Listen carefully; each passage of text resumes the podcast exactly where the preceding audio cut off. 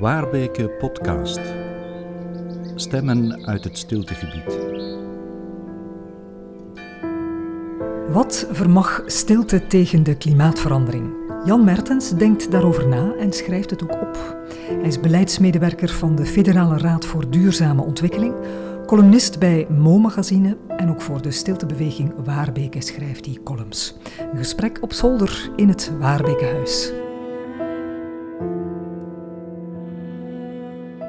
Dag Jan. Goedemiddag. Het Waarbekehuis bekend terrein voor u? Uh, ik ben de tweede keer hier nu. Dus het is een beetje bekend al, ja. Uh, kom je wel eens in stiltegebieden zoals hier, Dendermark of elders te landen? Um, als ik in het bos ga wandelen, is er een stuk waar het heel veel, heel veel lawaai is en een stuk waar het stil wordt. Dus dan kan het... Maar hier was ik nog nooit gaan wandelen, hier in deze streek. Dat is eigenlijk een goed idee om eens te doen. Ik heb het nog niet gedaan. Er zijn zelfs wandellussen hier vanuit Waarbeke. Uh... En een goed plan. Ik ga het eens doen, ja. ja. Stilste plek van Vlaanderen, hoewel er verschillende dorpen om die, uh, om die titel strijden. um, in, in welke mate, uh, Jan Mertens, is stilte aanwezig in uw leven? Um, ik leef alleen, dus dat maakt dat er ook in die zin veel stilte is, die, die ik ook wel nodig heb. Want laten we zeggen, mijn leven gemiddeld in de week is vaak nogal druk. En uh, soms heb ik een, een hele zondag voor mezelf dat ik op een hele dag geen woord tegen iemand gezegd heb. En dat is eigenlijk wel, wel fijn. Um, en dat, is ook, dat doet goed. Uh, ik werk een beetje dan of ik lees of ik uh, hang wat rond. En in de late zondagnamiddag komt er een soort lichte zondagmelancholie over mij. En die is heel goed eigenlijk. Dus uh, dat soort stilte heb ik wel nodig.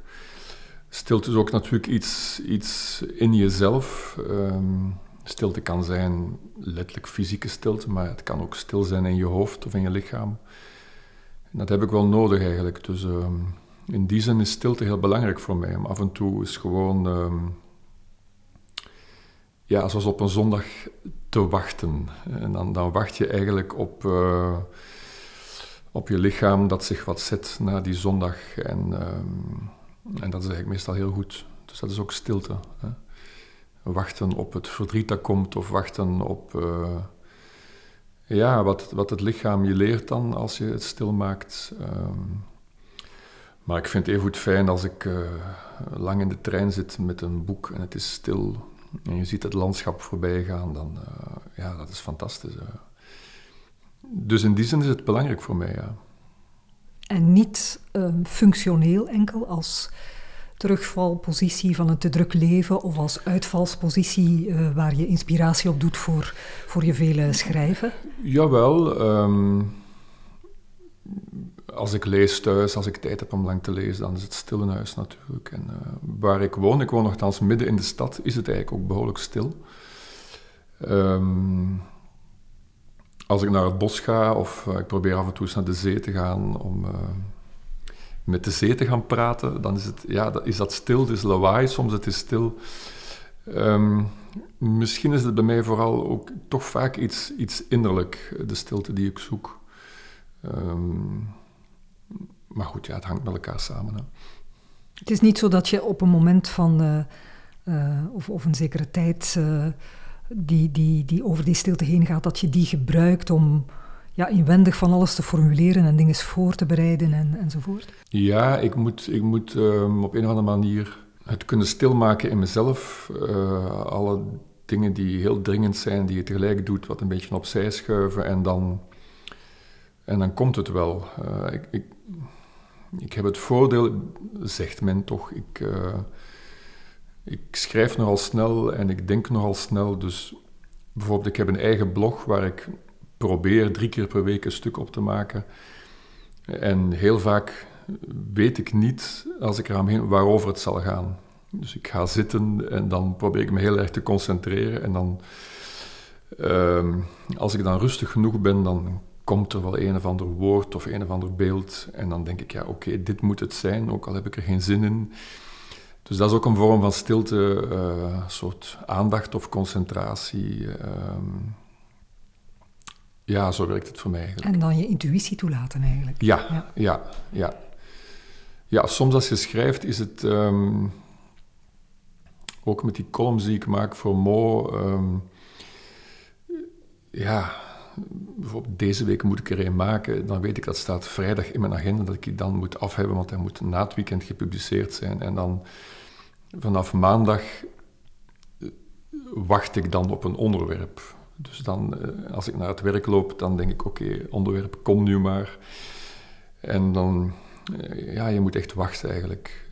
En dan voel ik ook wel als er iets komt, dat ik denk van, ah, jekkes, ik wil er niet over schrijven.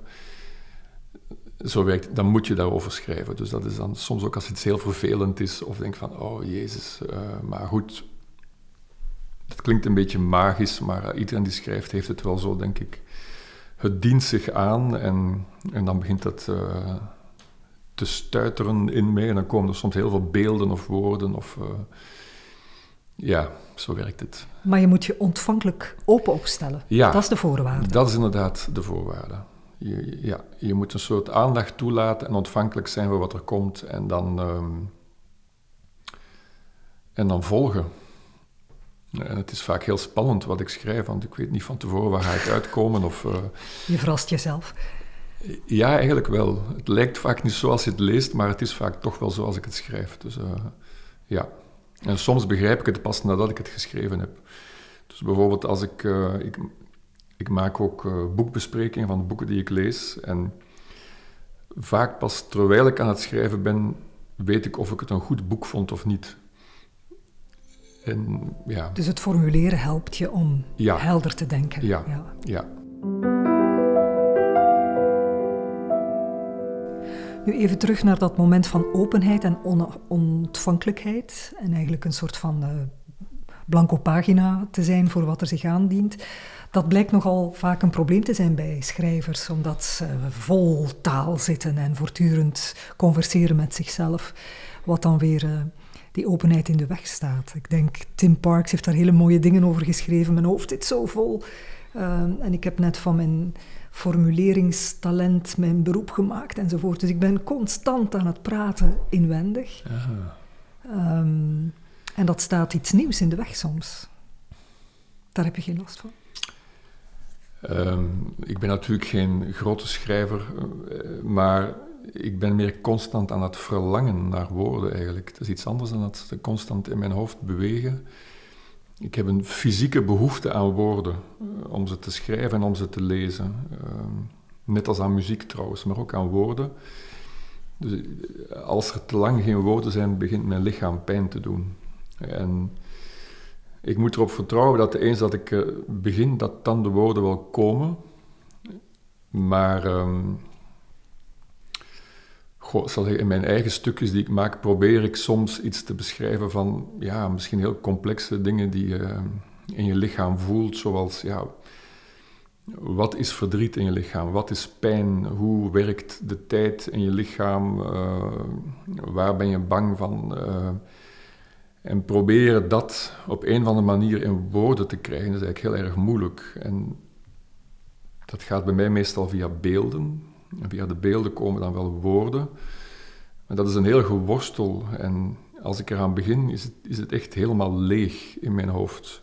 En dan moet, ik, dan moet ik kijken in mijn lichaam, van wat zie ik nu eigenlijk? En dan komt er soms een beeld en dan komen er woorden. Maar als ik eraan begin, is er wel een heel groot verlangen naar, uh, naar woorden. Maar ja, het klinkt raar misschien, maar uh, dat is of als ik een, een boek lees, dan uh, ja, het is een, een, een intens genot. Maar ja, mensen die graag lezen kennen dat wel, maar, maar het is niet zo dat er constant de hele tijd door gepraat is in mijn hoofd. Gelukkig maar. Ja. Gelukkig, ja. Mm -hmm als ik een column moet voorbereiden, zoals gisteren, net voor ik naar huis vertrok op het werk, had ik het idee, ah ja, daarover ga ik schrijven. En dan in het stukje tussen het werk en het station is dat echt een zondvloed in mijn hoofd van, wow, die moet ik onthouden en die moet ik iets mee doen. En dan... En dat is het goede, dan heb ik nadien een heel blad waar die woorden op staan, waar ik dan de helft van gebruik. Maar eens ik dan schrijf, dan gaat het vanzelf eigenlijk. Prachtig hoe je dat beschrijft. Dat uh, eerste lampje dat uh, op, oplicht en, en de rest volgt uh, in heel kort bestek eigenlijk. Hè. Dan stroom ja, je vol. Ja, ja, meestal wel, ja. ja. Nu, wat mij opvalt, je beschrijft het ook als iets heel persoonlijk en iets heel fysieks. Ja. Ehm, ik kan me voorstellen dat je dat toepast dan in je blogs die op je persoonlijke site staan, maar bijvoorbeeld voor Mo-magazine zijn dat uh, columns die vaak over maatschappelijk uh, zwaarwichtige thema's gaan. Um, vind je dat je die, die invalshoek ook daar kan gebruiken om, om ja, een echt relevant maatschappelijk onderwerp aan te snijden? Je eigen persoonlijke Eigenlijk insteek? wel. En in die zin zijn mijn stukjes vaak een beetje anders dan van de collega-columnisten. Zie ik ehm, de stukken die ik maak voor Mo, probeer ik wel vaak altijd iets persoonlijks in te brengen. Verhalen over mijn grootmoeder of verhalen over de dochter die ik niet heb. Of, um, uh, het is een beetje bewust dat persoonlijke eraan toevoegen omdat het voor mij zo werkt en omdat ik dan ergens bij een soort uh, kwetsbaarheid kom waar ik naartoe wil in, in deze fase van mijn leven. Maar ik merk ook uit de reacties dat, dat ik net daardoor mensen bereik met het andere verhaal die het anders niet zouden lezen. Dus ik ben daar wel eigenlijk, het is vaak heel bewust en sommige mensen worden wat zenuwachtig van, hij is weer daarmee al zijn emoties. En, maar um, voor mij klopt het wel. Omdat toch ja, de dingen die ik schrijf als heel maatschappelijk zijn, als het gaat over ecologie of klimaat, zijn vaak op zich nogal zijn best wel heftig of zwaar. Of, of uh, abstract. Of heel abstract, inderdaad. En dan voel ik wel, ik moet zoeken naar beelden of ik moet zoeken naar... Um, dat kunnen persoonlijke verhalen zijn, um, waardoor mensen ook mee zijn, waardoor ze het ook voelen en ik merk als ik lezingen ga geven of als ik ga spreken, dat, dat men mij daarover vaak aanspreekt. Nadien van de voorbeelden die je gaf, de anekdotes, zijn de dingen die we, die we onthouden hebben en, en die ons geraakt hebben. Of, uh, en dan is het goed, want ja, de dingen waar ik over schrijf zijn een beetje moeilijk, want het gaat over dingen waar we misschien schrik van hebben of zo. En je moet ergens, denk ik, ook in een zekere kwetsbaarheid willen komen om om het daarover te hebben. Dus het is een beetje bewust en het is ook ja, hoe ik in elkaar zit blijkbaar. Het is niet gespeeld, het is geen trucje. Het is niet gespeeld, nee, het is niet gespeeld. Nee, helemaal niet. Ja, nee, nee. Daar verdenk ik uh, niet van. maar um, ik wil wel even aanstippen dat je zelf schrijft... Ik kan met de jaren steeds minder goed tegen die stortvloed van onmiddellijke meningen.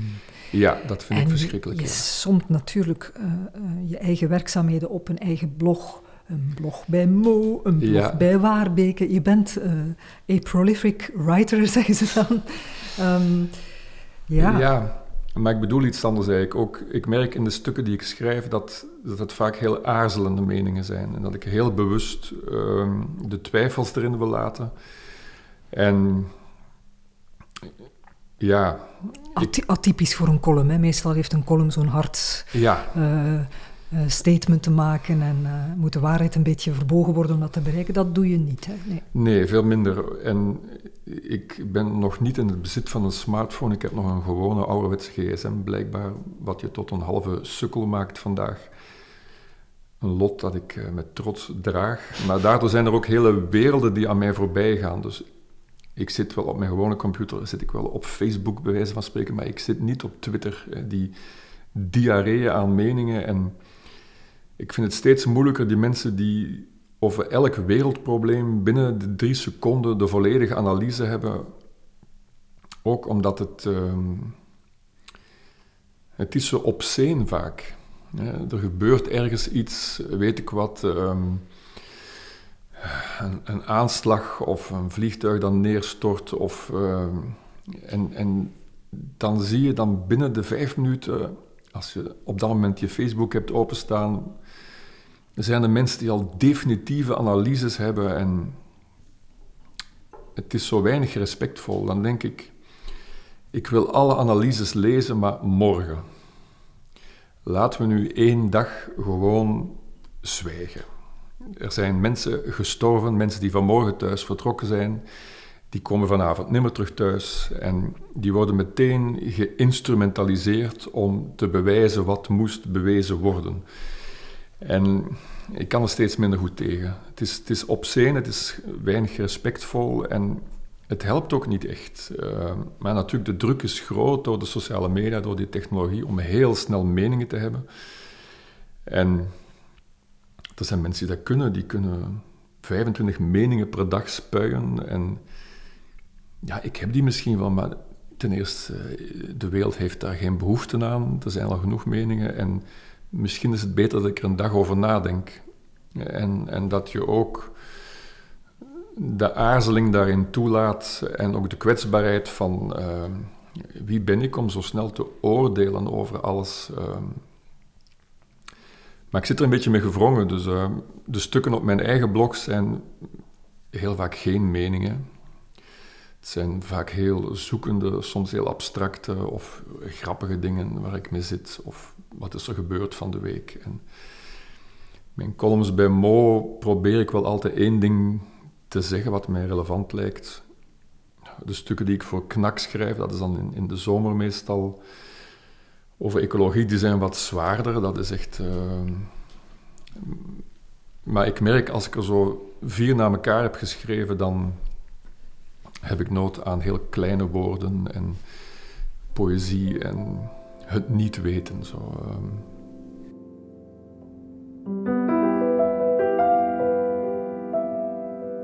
Beleidsmedewerker bij de Federale Raad voor Duurzame Ontwikkeling. Um, wat houdt dat in? Wat doet die raad? Wat doet die raad? Uh, dus wij zijn een adviesraad voor de federale overheid. Uh, dat wil zeggen onze leden zijn middenveldorganisaties. De werkgevers, de werknemers, de milieubeweging, de Noord-Zuidbeweging, de jongere wetenschappers. Zij zijn lid van onze raad. Ehm, onze hoofdtaak is het maken van adviezen. Dat wil zeggen, minister X kan vragen aan ons: maak een advies over dit of dat tegen dan. Wij organiseren dan dat onze leden samenkomen. Wij ondersteunen dat. Er komt een tekst. Dat is eigenlijk onze hoofdbezigheid. We hebben allerlei andere activiteiten, zoals het organiseren van conferenties, seminaries, uh, dialooggesprekken met de minister. We zijn een klein team daar van wetenschappelijk medewerkers en ik volg vooral de internationale thema's op. En ik doe de website en uh, ik ga regelmatig uh, gastcolleges geven over duurzame ontwikkeling. Uh, heel fijn eigenlijk. En wat we wel proberen te doen nu steeds meer is een interfederale raad worden. Dat wil zeggen,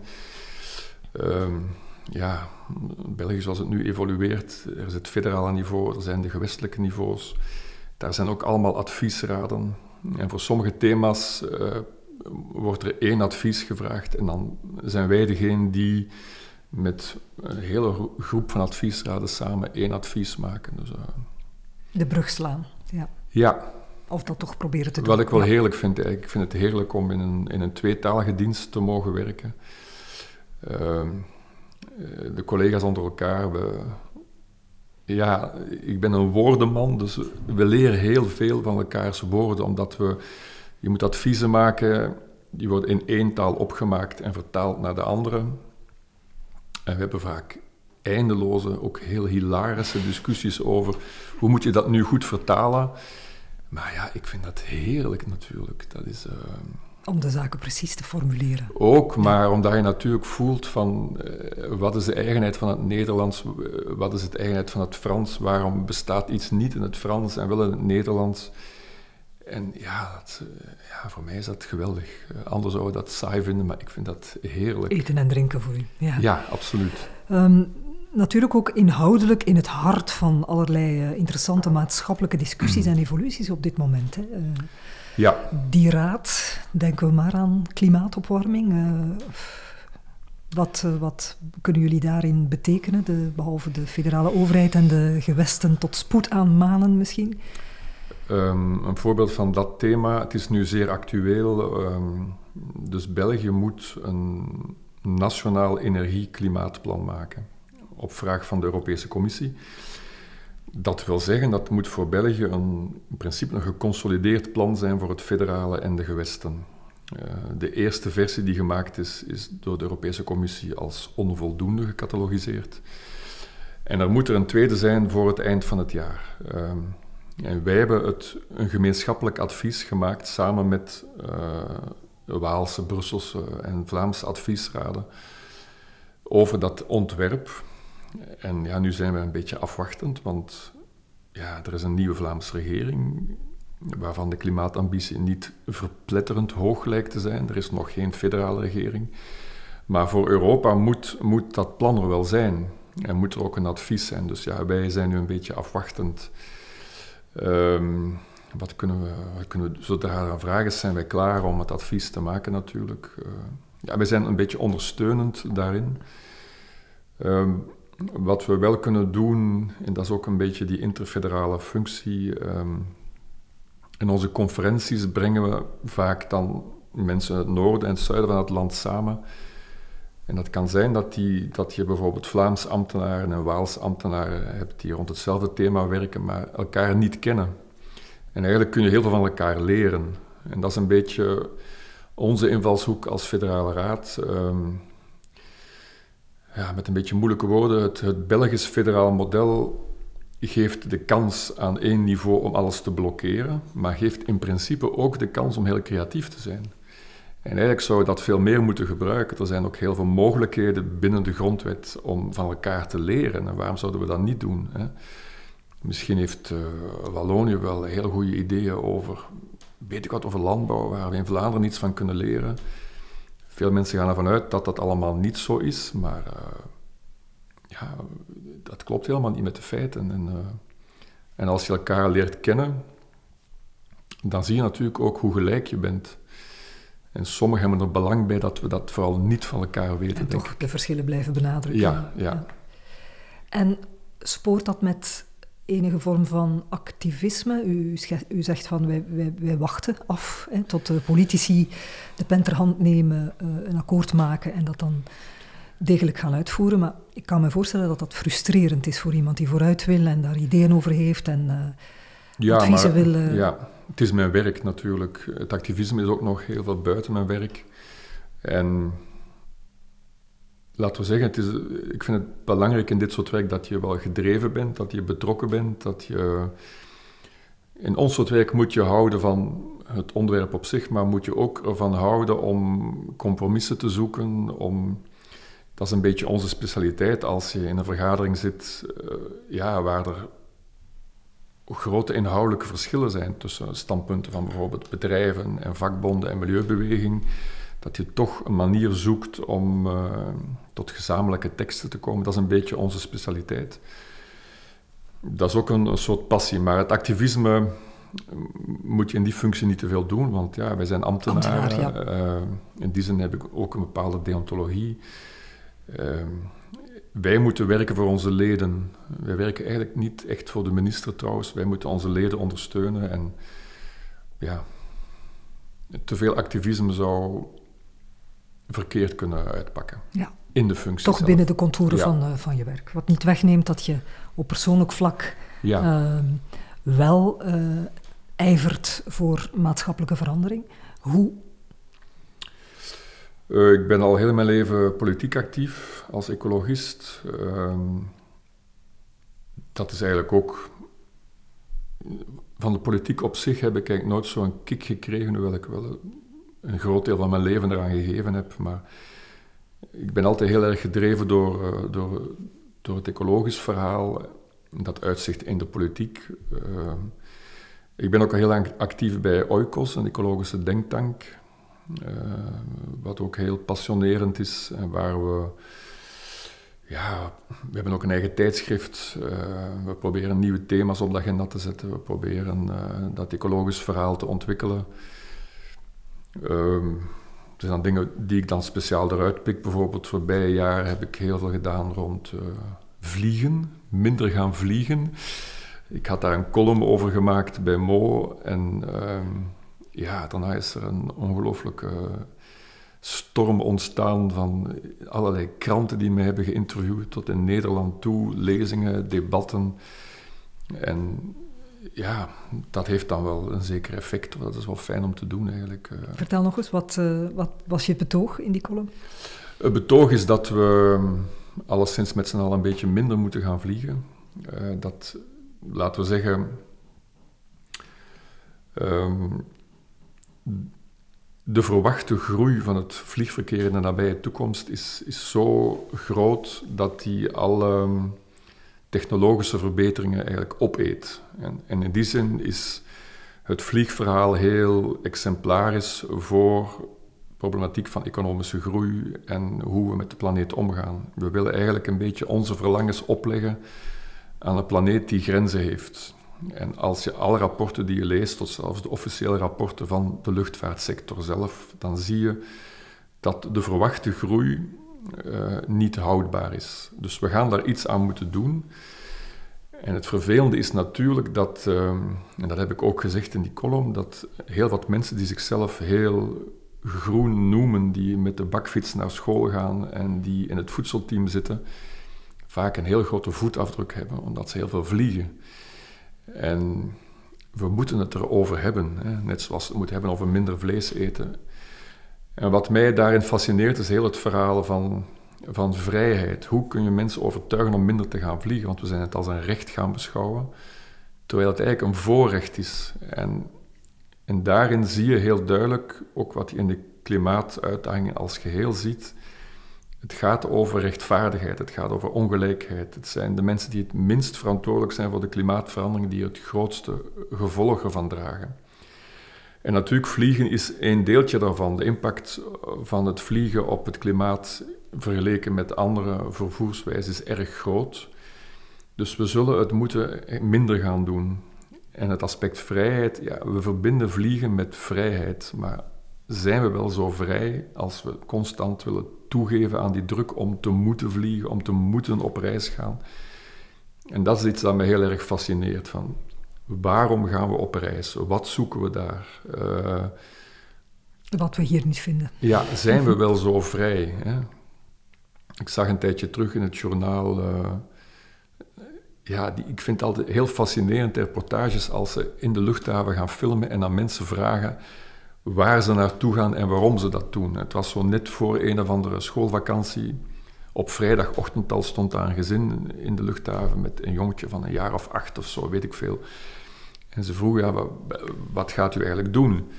En die jongen met zo'n heel droevig gezicht van... Ja, naar school gaan is toch wel heel vermoeiend soms. Dus ik moet echt uitrusten. En wij gaan dus naar Madagaskar. En ja, het is eigenlijk ook intriest natuurlijk dat, uh, dat het blijkbaar al zodanig gesocialiseerd is van uh, moe zijn is het vliegtuig nemen om in Madagaskar... Aan de andere kant van de wereld... Uh... Een week aan een zwembad te gaan liggen misschien, maar... En dan vraag ik me af, ja, ben je nu echt wel zo vrij eigenlijk als je... Ja, ik merk het, ik, ik ben ook vaak al gaan spreken daarover bij, bij jonge mensen dan zie je wel, ja, je hebt gelijk, maar de druk is zo groot van je moet het gedaan hebben. De, iemand vertelde mij ooit, ja, maar Jan, jij beseft niet hoe groot de druk is van de bucketlist van de dingen die we moeten gedaan hebben voor we dertig zijn. Dat is toch triest eigenlijk. Zeg, maar word je daar dan eigenlijk wel zo gelukkig van? Ja, ja, ja, ja, ja. Of wat zoek je nu eigenlijk daar? Hè? En het is niet onschuldig, die zoektocht, want het heeft vergaande repercussies op, uh, dus op de dat planeet. soort thema's, ja, fascineert mij. Mm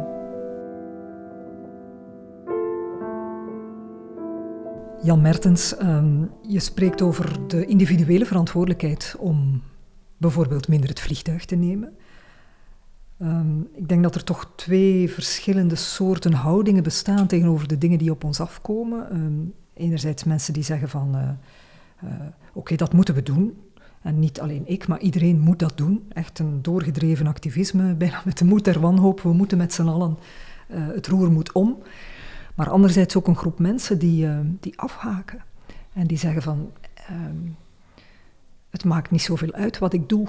Het is een druppel op een hete plaat. Ik verander mijn vliegpatroon, maar dat zal uiteindelijk niet veel uitmaken. Zijn dat niet de twee polen waartussen. Ja, je hebt natuurlijk nogal tussenposities, want uh, we moeten. Um, ja. ik moet zien wat ik zeg, maar volgens mijn collega ben ik een echte Kantiaan, dus ik ben blijkbaar heel erg gedreven door sterke waarden. Maar ik vind, ehm,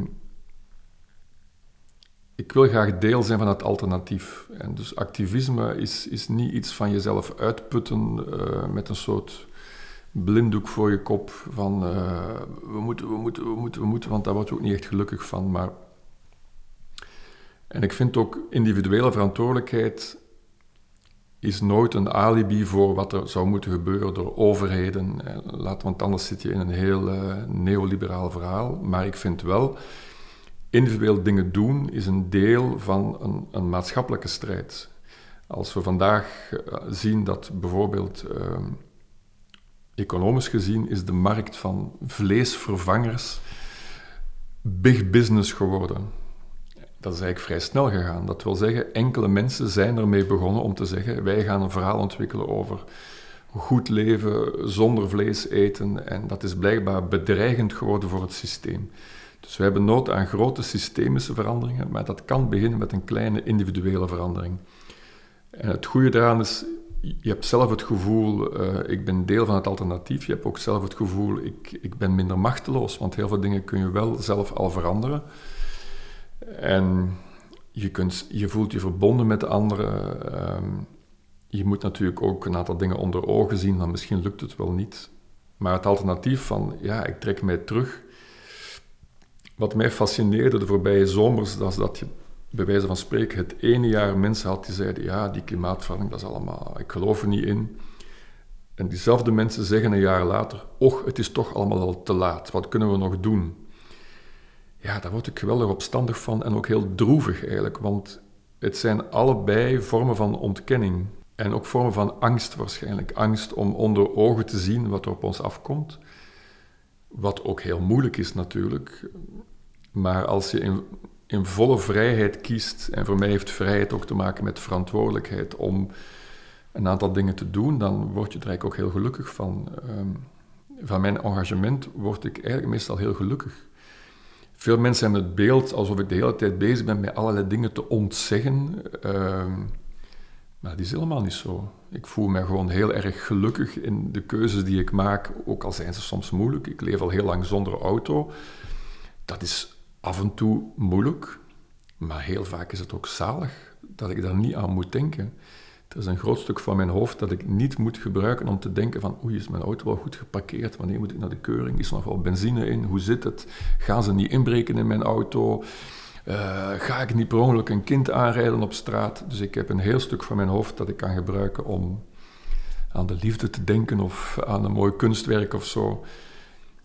Je bent dus vrijer dan iemand die in zekere zin naar Madagaskar kun je, kun je ook een soort vrijheid verwerven uh, het moeilijke is dat je dat in onze consumptiemaatschappij moet uitdrukken in alle dingen die je niet doet. Want ik moet zeggen, ah, ik eet geen vlees, ik heb geen auto, ik neem het vliegtuig niet, ik heb geen smartphone.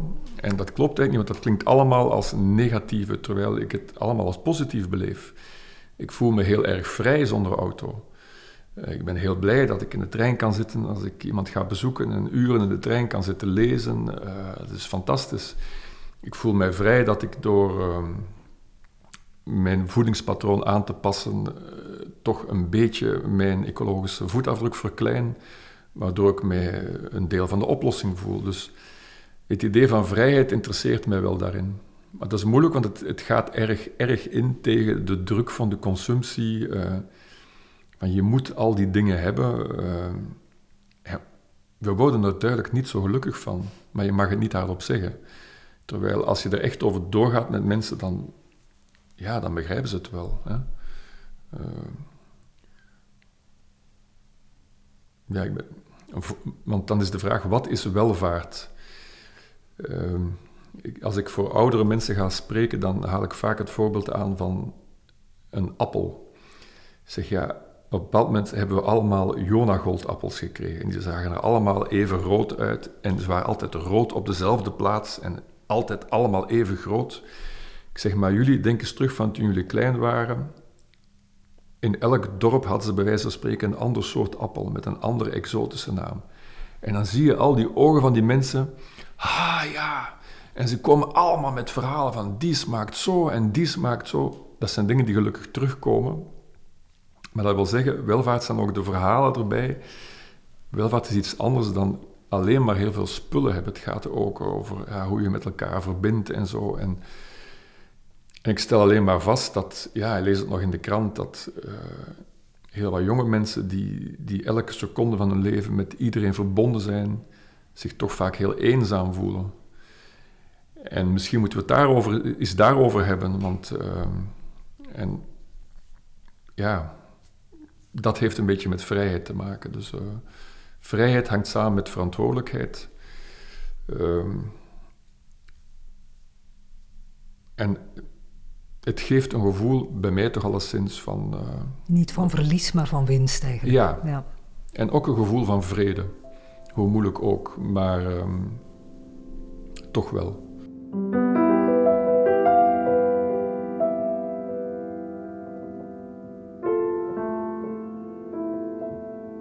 Je schetst je eigen uh, manier ja. van in het leven staan. Niet met minder, maar met meer, op een andere manier ja. uh, geïnterpreteerd. Maar uh, daar is natuurlijk de omgeving die niet ja. echt de juiste richting uitgaat op dit moment. Dat moet toch ontzettend frustrerend zijn. En vloeken. En, of, of is daar toch een brug te slaan tussen dat individuele engagement en, en een hoger niveau, een gemeenschappelijke... Voor mij wel. Um, een van de moeilijkste kwesties in mijn persoonlijk leven die ik heb moeten oplossen is um, het engagement loskoppelen van het resultaat. En dat is een beetje boeddhistisch, maar daar heb ik heel lang over gedaan. Ik zeg altijd, vertel altijd, toen ik 16 was, was ik heel erg kwaad op de wereld. Uh, van, ik ben geboren in 65, dus dat was in mijn jonge jaren waren de tijd van de grote rakettenbetogingen, de Koude Oorlog. En ik had het gevoel van in welk soort klote wereld ben ik terechtgekomen. Ik heb daar niet voor gekozen. Uh, die stomme kernraketten, die stomme kernenergie. De wereld kan ontploffen. En Jan Mertens tegen de wereld. Ik was, ja, ik was kwaad. En natuurlijk, je denkt ook in heel absolute termen. Van als ik in mijn leven dat niet heb veranderd, is mijn leven zinloos geweest. En eigenlijk was het ook de basis van, dat is dan eigenlijk voor mij persoonlijk de basis van mijn engagement. Um, ik had het gevoel, als ik ooit kinderen heb en ze vragen aan mij, pa, wat heb jij gedaan? Dan moet ik iets kunnen zeggen. Dus je voelt het is ook heel emotioneel, maar goed. En als je geëngageerd bent, en zeker als, ja, als je kiest voor, in mijn geval, de groene weg, dan kies je vaak voor de moeilijkste weg. Want je, je moet jezelf confronteren met dingen die moeilijk zijn. Of, uh, ja. Maar goed, het was de weg die ik wilde. En ik heb met heel veel vallen en opstaan en heel vaak tegen de muur lopen, met mijn onrust moeten leren van de manieren waarop je de dingen doet, is in zekere zin belangrijker dan het resultaat. Uh, ik heb dat ooit ergens eens opgeschreven, ik weet eigenlijk niet meer goed waar. De aarde voelt jouw verzet wel. En dat is een zin, als ik het even niet meer zie zitten, die ik in mijn hoofd haal en denk, ja, oké. En dus je moet voor een stuk leren om je elke dag opnieuw in te zetten, elke dag opnieuw te proberen de dingen doen die je kunt doen, op een manier waar, dat is mijn grootste doel, waarbij je nooit cynisch wordt. Dat is moeilijk, maar nooit cynisch worden. Elke dag opnieuw proberen. En dan maakt het eigenlijk niet zo uit of ik nu nog tien jaar leef of twintig, of dat ik misschien morgen ineens doodval, want ik heb het altijd opnieuw geprobeerd. Maar dat is een heel, heel moeilijke weg, om, ja, heel moeilijk om, om, om, dat, om dat soort vrede te vinden. Dus ik heb er heel lang over gedaan. Maar um, eens, je, eens je dat doet, krijg je daar wel een soort ja, vrede voor in de plaats. Maar dat is, dat is geen vrede van je terugtrekken, want het is een vrede waarbij het activisme blijft. Want het is een vrede waarmee je kunt engageren om elke dag opnieuw te proberen te doen wat je kunt doen. Maar, um, want activisme kan je ook uitputten. Dat is iets wat heel veel geëngageerde mensen doen. We zijn zo verontwaardigd. Hè. Ik ben ook heel vaak verontwaardigd. En we gaan nog een actie meer en nog een persbericht en nog elkaar meer opjutten. En als Tot je, het moe bent van te betogen. Ja. en het resultaat kan zijn dat we allemaal uitgeput zijn en dat we afhaken of dat we ons op elkaar beginnen afreageren, wat we heel vaak doen. We willen zo graag dat de wereld liefst gisteren veranderd zou zijn dat we elkaar in de haren vliegen. Dat zie je heel vaak bij geëngageerde mensen, omdat we zo eh, rusteloos zijn. Dus dat is niet, dat is niet zinvol. Dus te veel activisme op een blinde manier put je uit. Cynisme heeft geen zin, want dan trek je terug. Jezelf ophangen, uh, dan ben je verloren voor de wereld. Uh, er zijn eigenlijk heel veel mooie mensen die op die manier verloren zijn gegaan voor de wereld. Dus je kiest ervoor om geëngageerd te blijven, maar wel je kiest er dus ook voor om je te laten kwetsen, om je te laten raken, om verdriet te voelen, maar om het niet vast te houden. En, en, en dat is een heel moeilijke oefening. Dat heeft bij mij ook met mijn spiritualiteit te maken waarschijnlijk. En ja, ik ben nu 54, dus ik heb er ook heel veel jaren over gedaan om, om dat soort innerlijke vrede te vinden. Maar uh, nu heb ik het gevoel dat, dat het iets is dat, dat hopelijk mij een beetje zal helpen voor de tijd die komt nu met de, de hele klimaatchaos die op ons afkomt. En verdwijnt daarmee dan ook de frustratie uh, dat er uh, op een uh, gemeenschappelijker eh, niveau te weinig stappen vooruit wordt gezet? Want dat is, nee, dat verdwijnt niet. Maar ik zal tegelijkertijd ook, ik blijf ook altijd op het gemeenschappelijk niveau. Dus ik zet mij in, ik ben nog steeds ook daar actief. Ik doe daar wat ik kan om op, ook de structureel gezien de wereld een beetje te veranderen. Uh, ik, ik, ik, ik, zal dat nooit loskoppelen. Uh, maar het ene. Het is niet omdat het er nog niet is dat nee, je. Nee, um, ik geloof ook niet zo mensen die zeggen van ja, ik hoef mezelf niet te veranderen, want het systeem moet veranderen dat is een beetje een zwaktebod. Alsof je kunt zeggen dat het systeem een meter verder van jou begint. Het moeilijke met het consumentistisch systeem waar we in zitten, is dat het, of het kapitalistische systeem, of hoe je het ook noemt, het loopt dwars door ons heen. En, en in die zin, je kunt je er niet zomaar buiten zetten.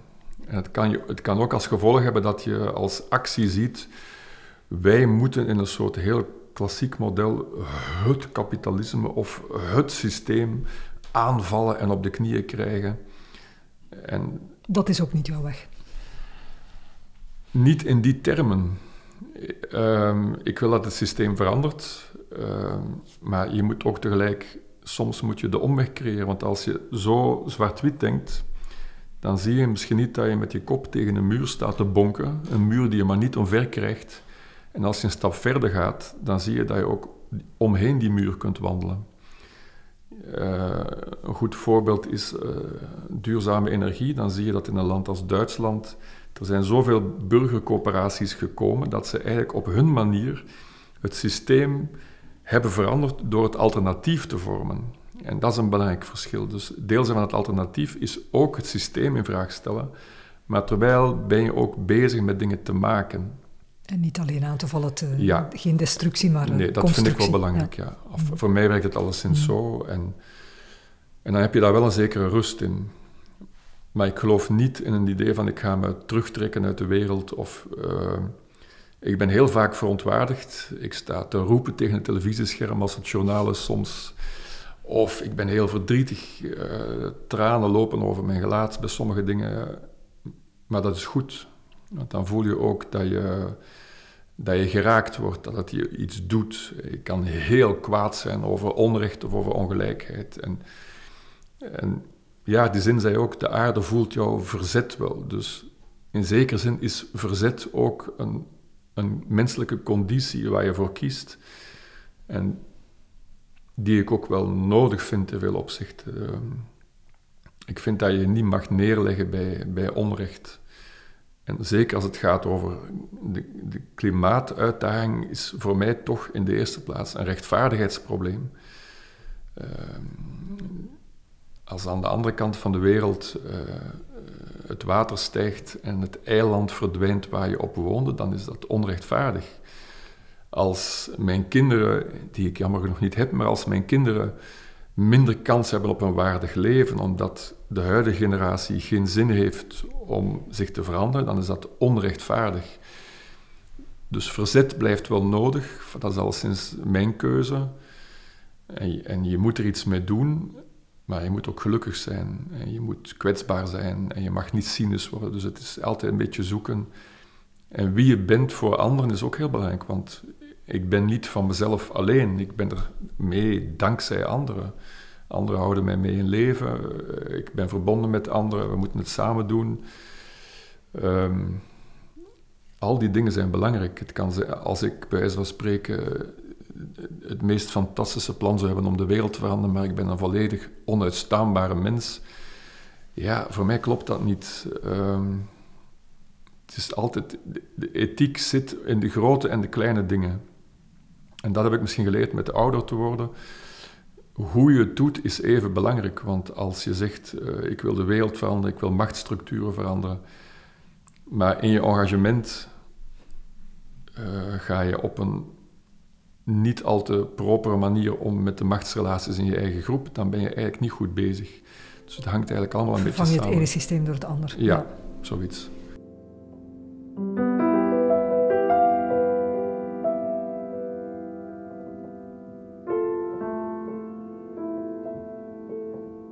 Jan Mertens, bent u een optimist? Uh, nee, ik ben heel hoopvol, maar ik ben geen optimist. Er zijn, denk Wat is het verschil? Wat is het verschil? Um, het verschil zoals ik het ervaar is dat, uh, men zegt dat vaak, je moet optimistisch zijn. En, A moral duty. Ja, ik, ik vind dat eigenlijk niet alleen onzin, ik vind het ook een contradictio in terminis, omdat... Um, je moet optimistisch zijn, want je moet optimistisch zijn, want je moet optimistisch zijn, want we moeten optimistisch zijn. Dat is het verhaal. Je voelt dat daar een enorme verkramping in zit. Dus dat wil zeggen, je wilt jezelf doen geloven dat het zeker goed zal komen. En alleen als je jezelf dat kunt wijsmaken, dat, dan kun je vooruit. En dat is eigenlijk een heel merkwaardige manier van denken, want het komt vaak neer op een vorm van ontkenning als je dat zo doet. Um, terwijl hoop. Leg, leg dat nog eens wat verder uit, want dat begrijp ik niet goed. Wat ontken je dan? Um, we moeten optimistisch zijn dat de technologie het probleem wel zal oplossen. En dan hoef ik er verder niet meer over na te denken. Wat heel vaak als argument wordt gebruikt nu in de hele klimaatdiscussie. Um, nu, er zijn geen bewijzen dat dat kan. Elk onderzoek of alle wetenschappelijke gegevens daarover maken duidelijk dat technologie op zich niet zal volstaan. We zullen heel veel technologie nodig hebben, maar op zich zal het niet genoeg zijn, onder meer omwille van de voortdurende groei zoals die nu is. Maar jezelf eigenlijk het denken uitschakelen door te zeggen: de technologie die we nog moeten uitvinden, zal het wel oplossen. Of uh, oudere wijze, of ja, nee, uh, oudere witte mannen die tegen jongeren zeggen van nee, nee, jullie moeten harder gaan studeren en niet protesteren en jullie moeten dan het klimaat oplossen met de technologie die jullie dan zullen ontwikkelen. En dat noemen ze dan optimisme. Ik vind dat uh, niet alleen een schande, het is, het is ook ontkennen. Het ontkennen van de ernst van de situatie waar we in zitten.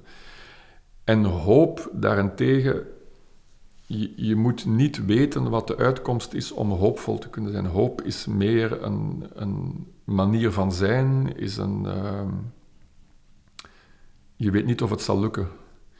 En dat is ook het concept van actieve hoop, wat hier bij Waarbeek uh, ook mee is ondersteund, zegt daar iets over. En ik, vind dat, ik heb daar veel meer aan, want uh, er zijn objectief gezien niet zoveel redenen tot optimisme. Um, en ofwel sluit je daarvan af en dan ga je je oogkleppen opzetten en zeggen: uh, Het zal wel, maar ik doe gewoon door, want ik kan die waarheid niet aan. Ofwel kies je ervoor om te proberen leven in waarheid. En dan probeer je onder ogen te zien wat er in de rapporten staat van die wetenschappers. En, en dat is echt geen pretje. Hè. De laatste rapporten die we ondertussen lezen, zeggen eigenlijk het gaat sneller dan we verwacht hadden. Het is intensiever dan we verwacht hadden. We zijn al over een aantal tipping points heen. Dus het is een gigantisch moeilijke waarheid om te laten doordringen. Maar hoop ehm, voelt in die zin voor mij realistischer aan. Hè. Dat klinkt als een paradox voor velen. Maar, dan dat optimisme dat, dat ja. u te blind noemt eigenlijk. Uh, ja, en ook als je het is een moral duty, dan zeg je, je, je, moet, je hebt de plicht om optimistisch te zijn. Dat wil zeggen dat je niet meer moet nadenken. Je moet gewoon tegen jezelf zeggen dat je optimistisch moet zijn, omdat je dat moet zijn. En waarom? Omdat je dat moet zijn. En dat klopt gewoonweg niet. Hoop, het goede doen, uh, de moed hebben om te doen wat je zou moeten doen, kun je volgens mij alleen maar hebben als je probeert de waarheid onder ogen te zien zoals die is, de werkelijkheid. En die is vandaag de dag dat we tegen een gigantisch tempo ecosystemen aan het vernietigen zijn, dat we um, de voorwaarden die nodig zijn voor de mens op aarde om goed te leven, dat we die heel erg in gevaar aan het brengen zijn en dat we dat eigenlijk in volle bewustzijn aan het doen zijn. En dat tot je laten doordringen is misschien moeilijker, maar dan weet je ook beter waarin hoop kan bestaan. Want als je de waarheid tot je laat doordringen en ook het verdriet, dan kun je misschien ook een opening maken voor een andere werkelijkheid die nog moet komen, waar we ons op moeten voorbereiden. Er is een grote milieuconferentie geweest een paar weken geleden in New York in de Verenigde Naties. Daar werd een groot mondiaal rapport over duurzame ontwikkeling voorgesteld. En een van de auteurs zei daar: We vinden het blijkbaar gemakkelijker om ons het einde van de wereld voor te stellen dan het alternatief dat we moeten gaan maken. En dat vat het voor mij heel erg goed samen.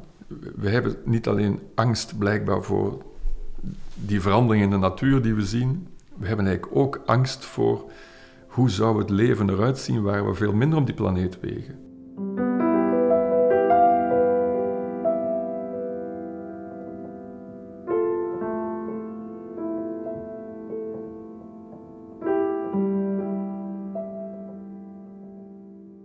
Nu, de nadruk ligt inderdaad vaak op wat we gaan verliezen. Um, mensen zijn daar heel pessimistisch over. Zou dat ook geen reden kunnen zijn waarom bijvoorbeeld Greta Thunberg zo fel onder vuur ligt? Omdat ze zo ja. somber... Ik vind Greta helemaal niet somber. Uh, Klinkt, ja. Er zijn een paar dingen die me fascineren. Uh, zij, zij brengt... Ja, laten we zeggen, eh, de Jan Jan Bons van deze wereld zeggen tegen de jongeren: jullie moeten gaan studeren, jullie moeten respect hebben voor autoriteit, jullie moeten uh, wetenschap gaan doen. Greta Thunberg is een, een scholier, een, jonge, een jonge, heel jonge vrouw, die dat heeft gedaan. Namelijk, zij heeft respect voor de autoriteit van wetenschap. En ze heeft die wetenschappelijke rapporten gelezen. Hè. Het is niet Greta Thunberg die alarmerend is, het is de wetenschap die in kaart brengt wat de werkelijkheid is die alarmerend is. En zij probeert dat op haar manier te zeggen, en zij probeert dat in waarheid te zeggen, en zij heeft een heel onaangename waarheid. En dat, die we haar verwijten? Die we haar verwijten. Haar verwijt, ja, maar die we haar niet zouden moeten verwijten. Uh, dus dat is een hele dimensie van het probleem die mij geweldig fascineert. Daar zie je enorme angstmechanismen in. Uh, er is ook een hele akelige dimensie aan die te maken heeft met het feit dat het vrouwen zijn die dat zeggen. Dat is een verschrikkelijk verhaal van een aantal opgefokte witte venten die in een puur soort vrouwenhaat vinden, die meiden moeten kapot. En het niveau van het, het, het, taalgebruik dat men hanteert om mensen als Greta Thunberg of Anuna de Wever aan te vallen, is eigenlijk hallucinant. Hè. Eh, de Trumps van deze wereld voelen zich bedreigd in, in hun uh, macho wereldbeeld. Dat is ook een dimensie die heel erg meespeelt. Hè. Dat men zich daardoor bedreigd voelt. Uh, men is bang om iets te moeten opgeven. Ja, maar daar komt een, een jong meisje in een, in een roze jurk een, uh, een mannenvergadering binnengewandeld en, en houdt daar een speech die helemaal niet praat over optimisme, maar echt over pessimisme. Het gaat echt fout, hè, wat je zegt. Een onaangename boodschap. Dat is natuurlijk een... Uh, ja, wat ze eigenlijk eh, terecht... Een schok, hè? Dat is een schok, wat ze terecht zegt. En, en natuurlijk, in die zin heb ik ook vaak van genoten hoe zij daar als een dapper meisje... De boel ontregelt. Voor al die mannen in pakken zit die zo gewend zijn om in dezelfde diplomatieke bewoording met elkaar niks te zeggen en elkaar uh, zachtjes aan te raken en dan verder te gaan zegt ze eigenlijk: uh, You should panic. Ehm, en vooral wat ze eigenlijk heel terecht doet, ze zegt ja, ik word hier opgevoerd als het teken, ik moet hier het teken van hoop zijn. Maar het is aan jullie om verantwoordelijkheid te nemen. Want trouwens, zegt ze, tegen dat ik afgestudeerd ben, moet het probleem al opgelost zijn. En wat mij geweldig kwaad maakt, is dat, ehm, hoe zal ik zeggen, er is een, een, een, psychologische dimensie aan die, die me echt woest maakt. Ehm, jonge mensen komen op straat omdat ze bang zijn. En ze hebben alle reden om bang te zijn. En ze zeggen het ook. Ik ben zo kwaad dat ik niet naar school kan gaan vandaag. Want ze hebben die rapporten gelezen. Eigenlijk, de oudere generatie, dat zijn onze papa's en mama's. Het is een taak van papa en mama om je kind te beschermen in de wereld. En eigenlijk moet je zorgen dat de wereld een veilige plek is voor kinderen om op te groeien. En die kinderen zeggen eigenlijk, ze hebben eigenlijk een heel gezonde psychologische reflex door te protesteren. En wat doen de papa's en de mama's van onze maatschappij die aan de macht zijn, die zeggen: nee, het is jullie schuld. Jullie moeten terug gaan studeren en we weten het nu wel. Jullie zijn, moeten ophouden met spijbelen. Dus eigenlijk, daar is ook nog de papa en de mama, bij wijze spreken, die hun kind letterlijk in de steek laat en het nog verwijt aan de kinderen zelf. Dus het is eigenlijk hallucinant dat men die kinderen verwijt dat ze geestesgestoord zijn terwijl die in wezen een bijzonder gezonde psychische reflex hebben. Namelijk, wij voelen ons bedreigd in onze toekomstkansen en, en we willen er iets mee doen. Natuurlijk, als je jong bent, doe je dat op jouw manier.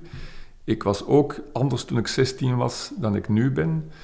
En dat hoort ook zo. Je hoort zo te zijn als je 16 bent. Laten we dat alsjeblieft nog koesteren. Nee, zij moeten al die verantwoordelijkheid op zich nemen. Ze moeten ook nog eens alle oplossingen bedenken. Terwijl diezelfde ministers of ministers-presidenten die dat verwijten aan de jonge mensen, zeggen zelf, eigenlijk zijn we niet geïnteresseerd in klimaat. Uh, we gaan zelfs de doelstellingen van 2020 niet halen. We verzetten ons er niet tegen dat Europa klimaatneutraal wil worden, zolang Vlaanderen het maar niet moet doen.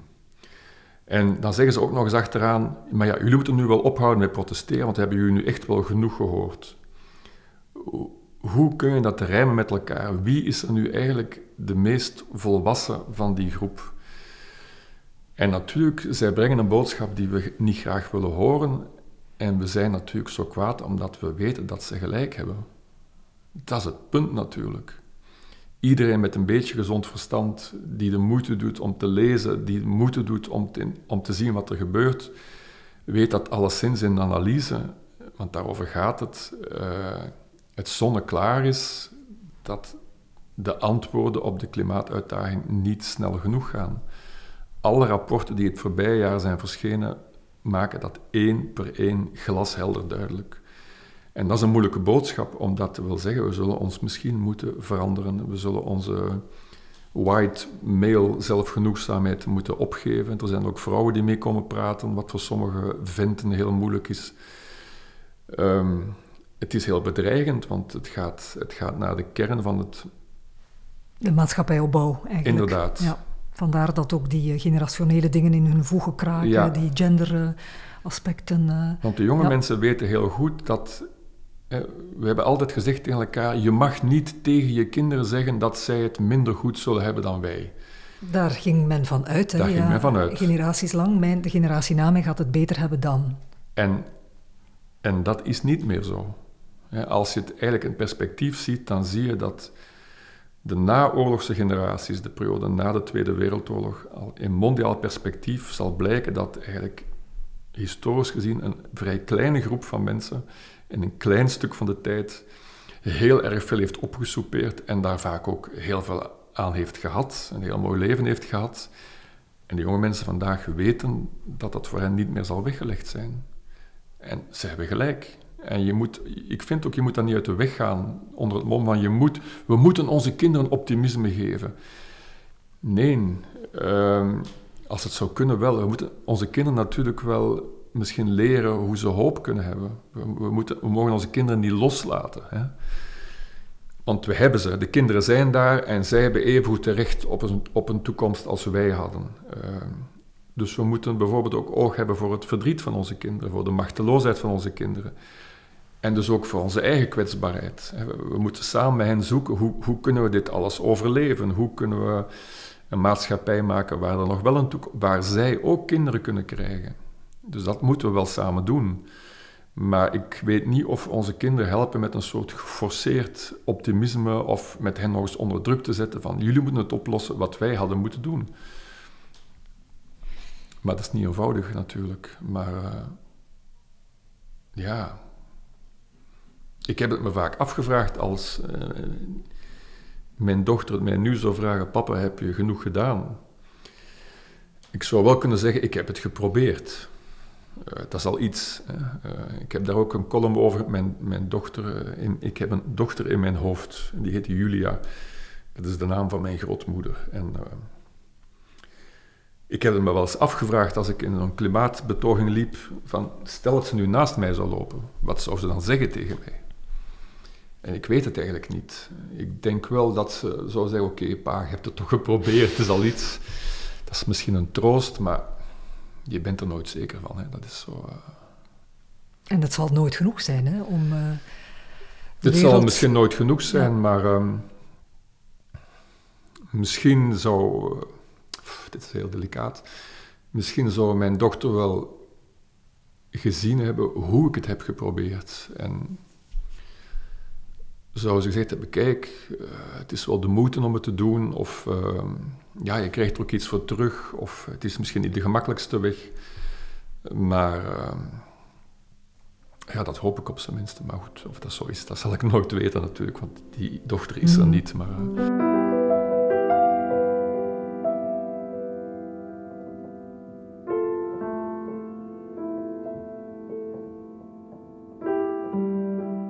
valt mij op, eh, Jan Mertens, dat je al een paar keer het woord verdriet hebt laten vallen. Dat is niet echt een woord wat je in klimaatrapporten tegenkomt. Hè? Eh, en dat is heel jammer eigenlijk. Eh, ik merk steeds meer dat, dat dat de gevoelige plek is waar we het over moeten hebben. Omdat als je bewust bent van de omvang van de ecologische crisis, dan heb je eigenlijk heel hevige emoties je voelt je zo machteloos tegenover iets dat zo groot is. En dat is waar ook. We hebben, we hebben iets gecreëerd uh, dat we niet onmiddellijk kunnen terugschroeven. Stel dat we van vandaag op morgen over de hele wereld de CO2-uitstoot op nul zetten, dan nog zal het verder gaan. Dus we hebben daar een soort monster gecreëerd dat nu zelf aan de gang is. En als je dat beseft, is dat wel een beetje beangstigend natuurlijk. Maar um, wat ik merk, zeker bij uh, mensen die bezig zijn met milieu, natuur en klimaat, is eh, dat we eigenlijk ook gewoon veel verdriet hebben. Verdriet over een, een, een mooie wereld die stuk gaat. En we durven daar nooit over praten. En als we dat niet doen, dan gaan we ook in een soort beknelling raken van nog meer activisme en um, dat heb ik heel erg lang geleden op een, op een weekend ooit geleerd. En dat was trouwens op hetzelfde model gebaseerd als de actieve hoop. Het verhaal van Joanna Macy, die heel uitdrukkelijk zegt, we moeten dat wel doen. We moeten wel ruimte maken voor het verdriet dat we voelen, maar het niet vasthouden. En ik heb daar heel... Want als je met elkaar deelt van ik ben bang of ik ben verdrietig, uh, verdrietig voor de wereld waar mijn kind in zal komen dan krijg je ten eerste een opening met andere mensen die hetzelfde gevoel hebben. En eens je het verdriet toelaat, krijg je ook een soort energie die je tevoren niet had. En dat klinkt heel raar, omdat mensen denken, ja, als ik het verdriet toelaat, het gaat mij helemaal plat slaan. En ik begrijp die angst ook heel goed, want, want ja, maar eigenlijk als je dat op een goede manier doet, is het het tegenovergestelde. En dat klinkt een beetje paradoxaal, maar dat is toch mijn gevoel door het met elkaar ook, ook over verdriet te hebben en over onze machteloosheid, komen we dichter bij elkaar, kunnen we elkaar beter vasthouden, kunnen we onze, onze heelheid als mens erin brengen en kunnen we ook energie vinden. Want in het verdriet voel je eigenlijk ook dat de rest van de planeet is niet het andere. Dat zijn wij zelf. Uh, ik zeg wel eens, wij hebben de bomen veel meer nodig dan de bomen ons. Uh, als vandaag op morgen alle mensen doodvallen, dan gaan de bomen rustig verder. Maar als van vandaag op morgen alle bomen weg zijn, dan gaan wij dood. Zo eenvoudig is het dus. We mogen best wel een beetje meer nederig zijn als mens daarin. En als je het verdriet toelaat, dan voel je dat eigenlijk de bomen, dat zijn wij, de zee, dat zijn wij. En dan, dan ben je niet actief voor iets anders, maar dan is het ook voor jezelf. En dan is dat andere leven dat we zoeken, waarbij we proberen terug een plek te vinden binnen die grenzen van de planeet, dan is het ook een veel gemakkelijker perspectief. Want ik, je voelt niet zo'n strikte scheiding tussen de mens en de rest van de natuur. Um, dus het toelaten van het verdriet uh, is denk ik een weg. Maar ik merk ook als ik met jonge mensen ga praten, ik zeg, we, we moeten het daar eens over hebben. En dan zie ik dat ze vaak uh, heel aarzelend zijn, maar soms heel blij zijn dat het mag. Dat dat emotionele ook mag meespelen. Ja. ja. En vooral ook omdat natuurlijk ja, wat er op ons afkomt, uh, ziet er best wel uh, indrukwekkend uit. En het zal ons confronteren met heel hevige emoties, want uh, ja, we zullen nog meer op elkaar zijn aangewezen om, om een uitweg te vinden.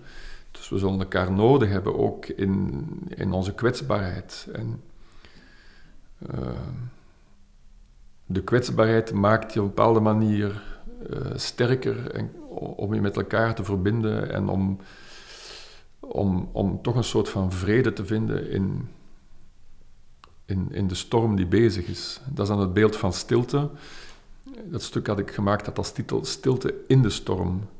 En, en dat is de conditie die we moeten zoeken. We zullen, stilte is niet weglopen van alles, je terugtrekken uit de wereld, waar ik begrip voor heb. Ik begrijp dat veel mensen dat doen.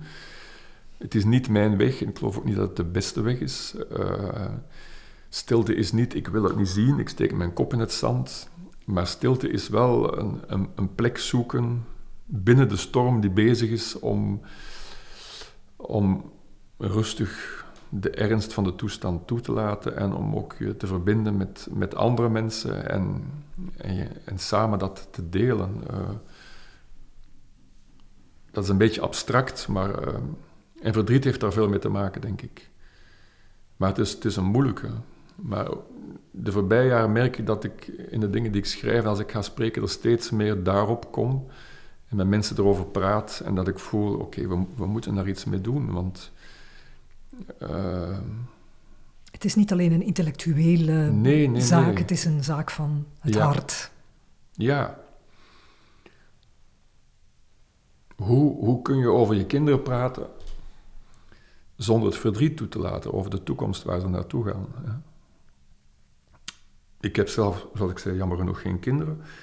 Ik merk, uh, en ik vind het heel moeilijk, de voorbije jaren dat ik soms op een onbewaakt moment heel stiekem, niet gecensureerd denk van hoeveel jaar heb ik nog te leven? Oef. En het is verschrikkelijk dat je dat denkt. Hè?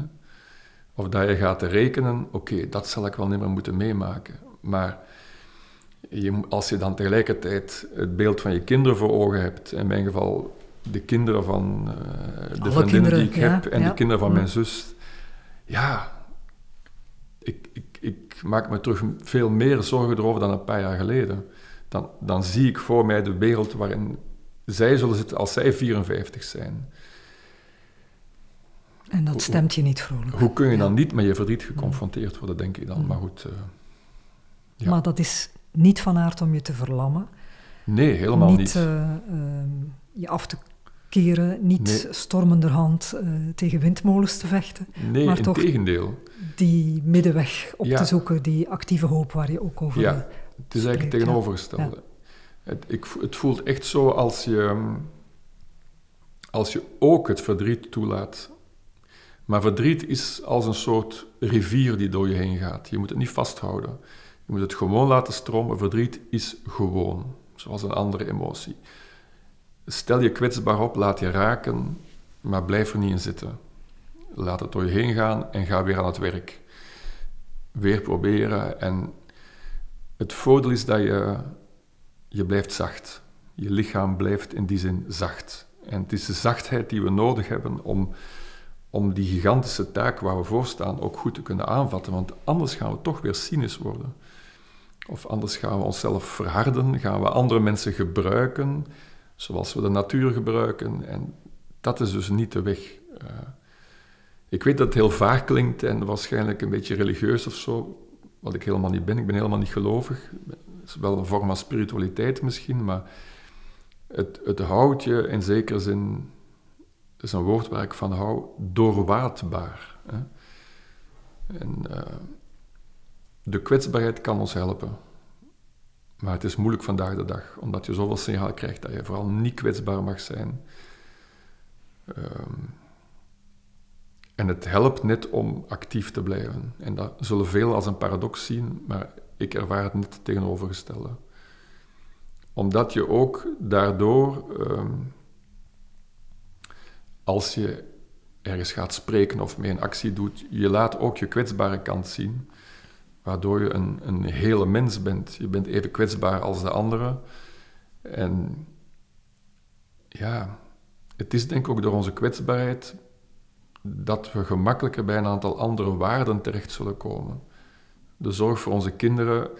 Als je aan mensen vraagt, wat heb je nodig om echt gelukkig te zijn? Dan antwoorden ze vaak geen dingen die met geld te maken hebben. Dan antwoorden ze bijvoorbeeld stilte, of uh, mij verbonden voelen met andere mensen, of een goede gezondheid. Of, uh, dat zijn de dingen die er echt toe doen. Hè? Je, je, veilig voelen bij iemand anders, je geborgen voelen. Uh,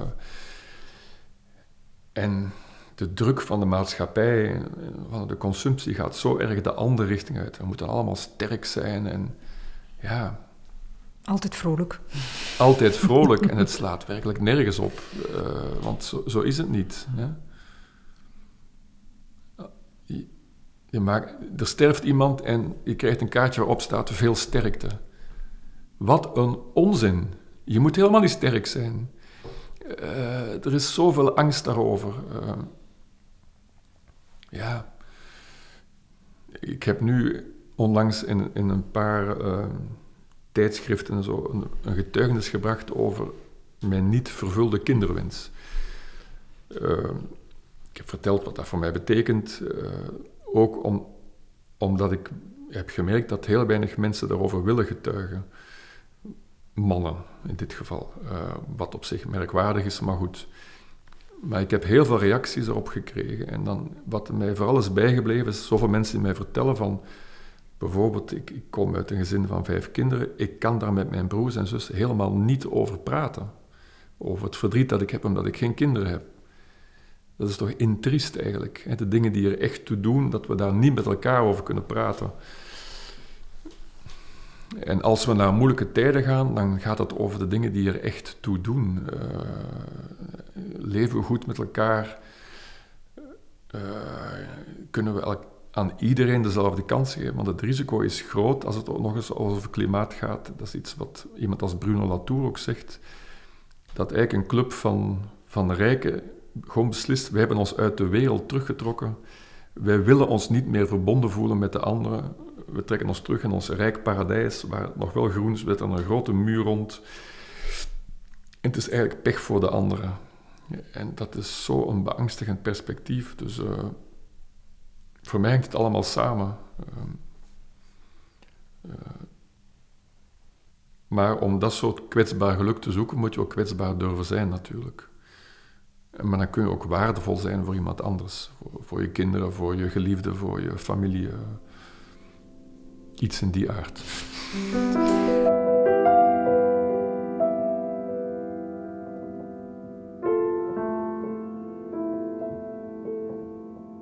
Om te besluiten, Jan Mertens, wat zijn je plannen nog de komende jaren? Oei. Uh, alles wat er op me afkomt. Uh, Ja, ik, ik, ik vind het eigenlijk, uh, het leven, ondanks uh, ook alle kommer en kwel die er is, ook bijzonder boeiend. Um, ik merk onder meer door de stukjes die ik schrijf en blijkbaar de kwetsbaarheid daarin dat, dat er zich allerlei mooie dingen aandienen, zoals dit gesprek bijvoorbeeld, wat ik een, een hele eer vind dat ik dit zomaar mag doen. Ehm, dus dat vind ik wel spannend eigenlijk. Ik, ik, zal doorgaan met de dingen waar ik mee bezig ben. Ik wil nog meer zoeken rond de thema's die ik nu aan het zoeken ben, rond verdriet, rond vrijheid. Wat betekent het? Uh, een andere manier van wat is welvaart? Um, ja, hoe doen we het met elkaar? Uh, gewoon het leven zoals het zich aandient. Dus ik, uh, ik, kijk er wel naar uit. En als het lang duurt, duurt het lang. En als het kort is, dan is het ook goed. Uh, je moet eigenlijk elke dag voorbereid zijn om, niet om te sterven, maar toch een beetje zo. Dat, is, dat heb ik geleerd. Ja, ik heb ondertussen twintig jaar geleden kanker gehad. En, en dat is eigenlijk kanker op zich heeft nooit een doel, daar is geen kosmische bestemming voor. Um, maar ik heb wel geleerd om, dat het leven heel kwetsbaar is. En um, dat je het ook kostbaar bij je moet houden. Dat je er ook een beetje verplicht bent tegenover de mensen die je graag zien. En dat je in die zin ook je leert op een bepaalde manier intens te leven en niet de dingen die je nog wil doen uit te stellen. Want dat is altijd een van die klassieke clichés. Ah, als ik zou weten dat ik nog drie maanden te leven had, dan zou ik dat en dat allemaal doen. Dat is onzin natuurlijk. Eh. je moet in principe klaar zijn als je morgen weet, ah, ik heb nog drie maanden te leven. Heb ik genoeg gedaan? Dan moet het antwoord in zekere zin ja kunnen zijn. En het is ja voor jou, toch? Voor mij is het ja, absoluut. Ik ben eigenlijk heel, meestal, of heel vaak, best wel gelukkig. En blij met de dingen die, die, ik, eh, die op mijn weg gekomen zijn, hoewel ze ook moeilijk waren soms, maar uh, blij met de mooie mensen die ik mag ontmoeten en alle verhalen die ik hoor. Uh, blij met de woorden die er zijn in de wereld, al de mooie muziek. blij met, met de mooie wereld daarbuiten, die ook wel gekwetst wordt, maar ook blij dat ik mij kan, toch kan inzetten voor hopelijk een, mooiere wereld, voor en dat dan voor de kinderen. Ja, er zijn zoveel dingen om, om, om blij mee te zijn, die je leven zinvol maken. Dus waarom niet? En het frappeert mij wat je zegt, uh, ik blijf uh, ontvankelijk, ik blijf open voor, voor ja. wat er komt. Dat brengt ons eigenlijk weer bij het begin van het gesprek en, uh, en het je openstellen voor de muze om verder te blijven schrijven. Ik moest ook denken aan iets wat Ilya Leonard Pfeiffer geschreven heeft. De bestemming leidt alleen maar af van de weg. Ja, inderdaad. Ik wens je nog een mooie weg toe, uh, Jan. Dank je wel. En ik dank u wel voor vond het ook een eer om uw levenswijze te mogen beluisteren. Dank u wel. Dank u wel. Dank u wel.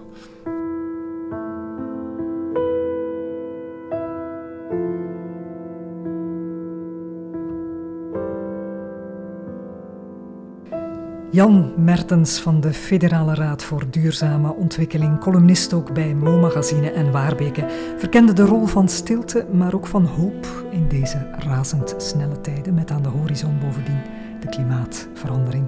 Wil u meer weten over de stiltebeweging? Surf dan naar waarbeke.be. Dank voor het luisteren.